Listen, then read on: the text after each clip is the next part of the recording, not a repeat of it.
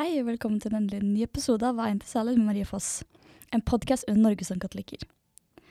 Velkommen tilbake. Det har vært et uh, veldig fint sabbatsår, men nå er vi tilbake med nye episoder. Uh, jeg gleder meg veldig. Dette siste året har brakt veldig mye endring for meg. Blant annet med at jeg ble ferdig med videregående. Det har også vært et år hvor jeg ikke bare er blitt ferdig med et nytt kapittel, men et år hvor det har brakt mange velsignelser og mange refleksjoner innad egen tro og min egen vandring med Jesus. Dermed har resultatet blitt nye episoder, hvor jeg kan dele disse refleksjonene så jeg føler Gud har lagt på hjertet mitt. Denne episoden skal handle om refleksjoner og tanker som kom ut av en erfaring jeg, jeg fikk i løpet av høsten, imens jeg var leder på en konfirmanthelg under St. Elisabeth menighet i Bærum. Og det skal handle om sakramentstilbedelse.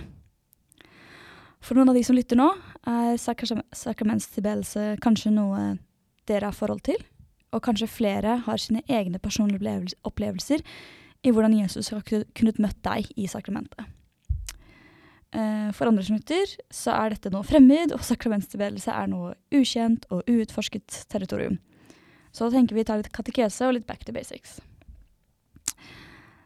Som katolske kristne tror vi at sakramentet, brødet, eukaristien vi bruker i messen, kjært barn har mange navn, er Jesus. Altså, det er Jesu legeme etter konsekrasjonen. Det er ikke bare, et, det er ikke bare symbolikk, men Jesus er eh, helt reelt i, i brødet, i eukaristien. Og hver gang velsignelsen av nattverden finner sted, så er vi tilbake i det siste måltidet Jesus hadde ved sine disipler før korsfestelsen. Og sakramentstilbedelse er noe som ofte blir gjort på ungdomsleir, hvor deltakere og ledere har mulighet til å sitte foran Jesu åsyn, beundre han, be til han og vite at han er deg uendelig nær. Um, det er en veldig intim og veldig, veldig kjærlig type for uh, å bli møtekommet av Gud og kunne sitte ved hans, ved Jesu føtter. En uh, sakramentstilbedelse varer som oftest en time, en og en halv, halvtime. Um, og så er det på en måte tilbake til normalen. Man kan tenke seg. Man legger seg, man er i spisesalen, man spiser kveldsmat, man snakker med vennene sine. Og man kan godt tenke seg at um, man går tilbake til Å ja, nå er tiden med Gud ferdig. I hermetegn. Liksom det er over. Det høytidelige er over. Vi kan liksom bare gjøre, gjøre hva vi vil. Uh, men da jeg satt i denne sakramentstilbedelsen, så opplevde jeg noe helt annet. Jeg syns det er veldig fint, men jeg må innrømme at jeg selv har hatt mine, mine krangler med meg selv når det gjelder sakramentsandakt. Jeg syns Ja, med konsentrasjon og sånn, man sitter her en time og kan bli veldig Man kan tenke seg åh, det har vært lenge, hvor lenge skal det være igjen? Og man blir veldig, veldig utålmodig. Sånn er det i hvert fall med meg. Um, hvis man er sliten på en, lang dag. Og så Men i denne sakramentsbedelsen kunne jeg fysisk ikke ta øynene mine av sakramentet. Um, og jeg tror mange kan kjenne seg igjen. Jeg satt og ba, men i denne gangen så satt jeg nesten og klagde til Jesus. Veldig jeremiade. Satt og sa du, jeg vet ikke hva jeg skal gjøre med livet mitt. Jeg føler timingen på alt er så borte for meg. OK, skal, hvordan, hvor er du egentlig i alt dette her? Fordi jeg prøver å liksom, jeg prøver at alt det her skal gå opp, men så vet jeg ikke helt hva jeg skal gjøre videre. Hvor er du? Og jeg følte en skikkelig angst for meg, og jeg tror egentlig jeg ville bare ut. Og var sånn Vet du, nå orker jeg ikke mer. Jeg orker ikke mer. Men så øh, kom, det en, kom det en sånn setning inn i hjertet mitt, og mens jeg så på Mens jeg fortsatt så på sakramentet, og så sa Jesus Ja, men hele ditt liv er det bedelse gjør deg. Og bare Hm? Hva? Hele ditt liv er en sakramentstilbedelse.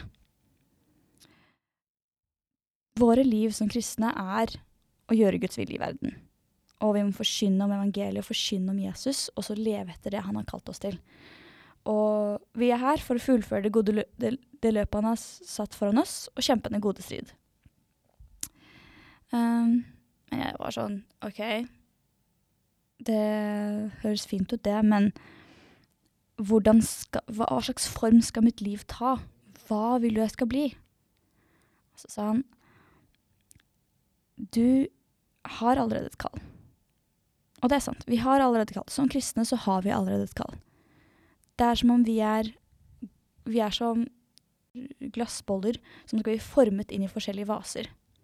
Men sannheten er, som alle kristne, er vi født med et kall om å forkynne om Jesus og leve etter hva han har kalt oss til. Kallet, altså ekteskap, nonner eh, og prestekallet, det er bare formen på vasen som er livet ditt. Du, allerede, du som glassbolle er allerede en kristen og allerede har et kall. Men det er bare formen det tar, hvordan vasen blir senere i livet, som blir greia. Som blir hva måte, formen av kallet ditt er. Men du har allerede et kall. Det er bare hvordan du er formet som er forskjellen. Hvis ekteskapets sakrament er ens kall, så er det som en hyggelig gutt eller jente sitter seg ved siden av deg på kirkebenken. Poenget er ikke da å gå ut av kirken eller vende seg bort fra Jesus bare for å beundre den andre. Det er å holde blikket fast på Herren, tilbe og beundre Han sammen. Det er å sitte ved hans føtter og rådføre med han innad i deres forhold.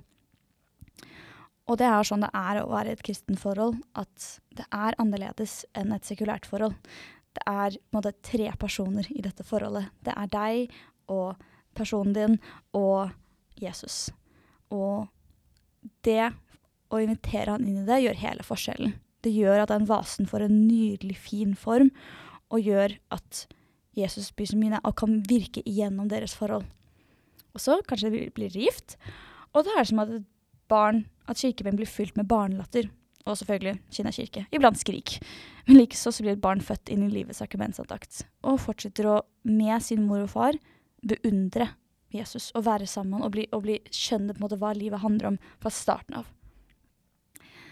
Hvis ikke dette blir ens kall, og ingen setter seg ved siden av deg på kirkebenken, skal en likevel ikke la sin egen frykt og stressende sinn overta. Det er jo det å sitte ved Jesu føtter som gjør livet så mye vakrere. Det er å sitte ved han at vi blir som Maria istedenfor Martha. Hvis du husker historien. Martha, med hvor enn mange gode intensjoner hun hadde, så fløy rundt i huset sitt og skulle fikse alt for Jesus, og så skjelte, hun ut søsteren sin og sa hvorfor hjelper du meg ikke? Jeg, jeg prøver å gjøre så mye.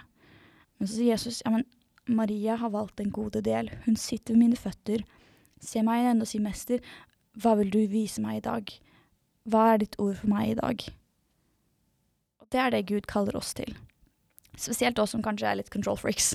At vi må ta det korset av å stresse overalt og legge det ned for hans føtter og spørre han hva vil du med meg? Og istedenfor å tenke hva vil du med meg, så kan vi også tenke jeg er her, du er her. For først og fremst er det at vi er Guds sine, først og fremst, i, i motsetning til alt annet verden definerer oss som. Fordi for eksempel med meg, da, så var det veldig tydelig at Gud sa til meg det det at du frykter på hva som skal skje, det er av verden. Jeg har allerede, definert deg. Um, du er min datter, du er mitt barn, først og fremst. Og det at du velger den gode del, gjør hele forskjellen for livet. Um, og det er en melding også til alle andre at vi er Guds barn. Først og fremst, Vi er Guds sønner, vi er Guds døtre. Vi er hans først. Og det er når vi, når vi jobber med han, at alt annet med verden måtte nesten svimle vekk, og vi måte får mer fokus på hva som betyr noe. Dette er selvfølgelig veien vår til å bli hellige, og den er lang, men det er i hvert fall en begynnelse. Å bare stoppe alt av det verden og alt det som kan virkelig skygge til hjernen vår, og legge det ned på Jesus og se det, OK, din definisjon. Du har definert meg, du, du er min far. Det er det første som betyr noe. Så det var veldig, veldig godt, fall for meg, å oppleve at Jesus stoppet og sa det er ikke poenget hva du tenker, hva formen, hva alt er. Det er å si Jesus, her er jeg. Jeg er din. Og være der hos han. Um, og det er, en, det er noe vi må jobbe med hele livet. Um, men til slutt, for å slutte med et bibelvers som kanskje kan hjelpe oss å minne om på hva Jesus kaller alle til, så er det i Matteus Matteus 6, 25-34, hvor Jesus sier Derfor sier jeg dere, vær ikke bekymret for livet, hva dere skal ete, hva dere skal drikke, heller ikke for legeme, hva dere skal kle dere med. Er ikke livet mer enn maten, og legemet mer enn klærne? Hvem av dere kan med, vel med all sin bekymring legge en eneste meter til sin livslengde? Og hvorfor er dere bekymret for klærne? Legg merke til liljene på marken, hvordan de vokser. De strever ikke og spinner ikke. Men jeg sier det, selv ikke kong Salomo i all sin prakt var kledd som en av de. Deres himmelske far vet at dere trenger alt. Men søk da først Guds rike og hans rettferdighet, så skal dere få alt dette i tillegg. Og vær ikke bekymret for morgendagen, for morgendagen skal bekymre seg for seg, bekymre seg for seg selv. Og for deg som lytter nå, Herren velsigne deg og bevare deg. Herren la sitt ansikt lyse over deg og være deg nådig. Herren løfte sitt åsyn på deg og gi deg fred. Amen.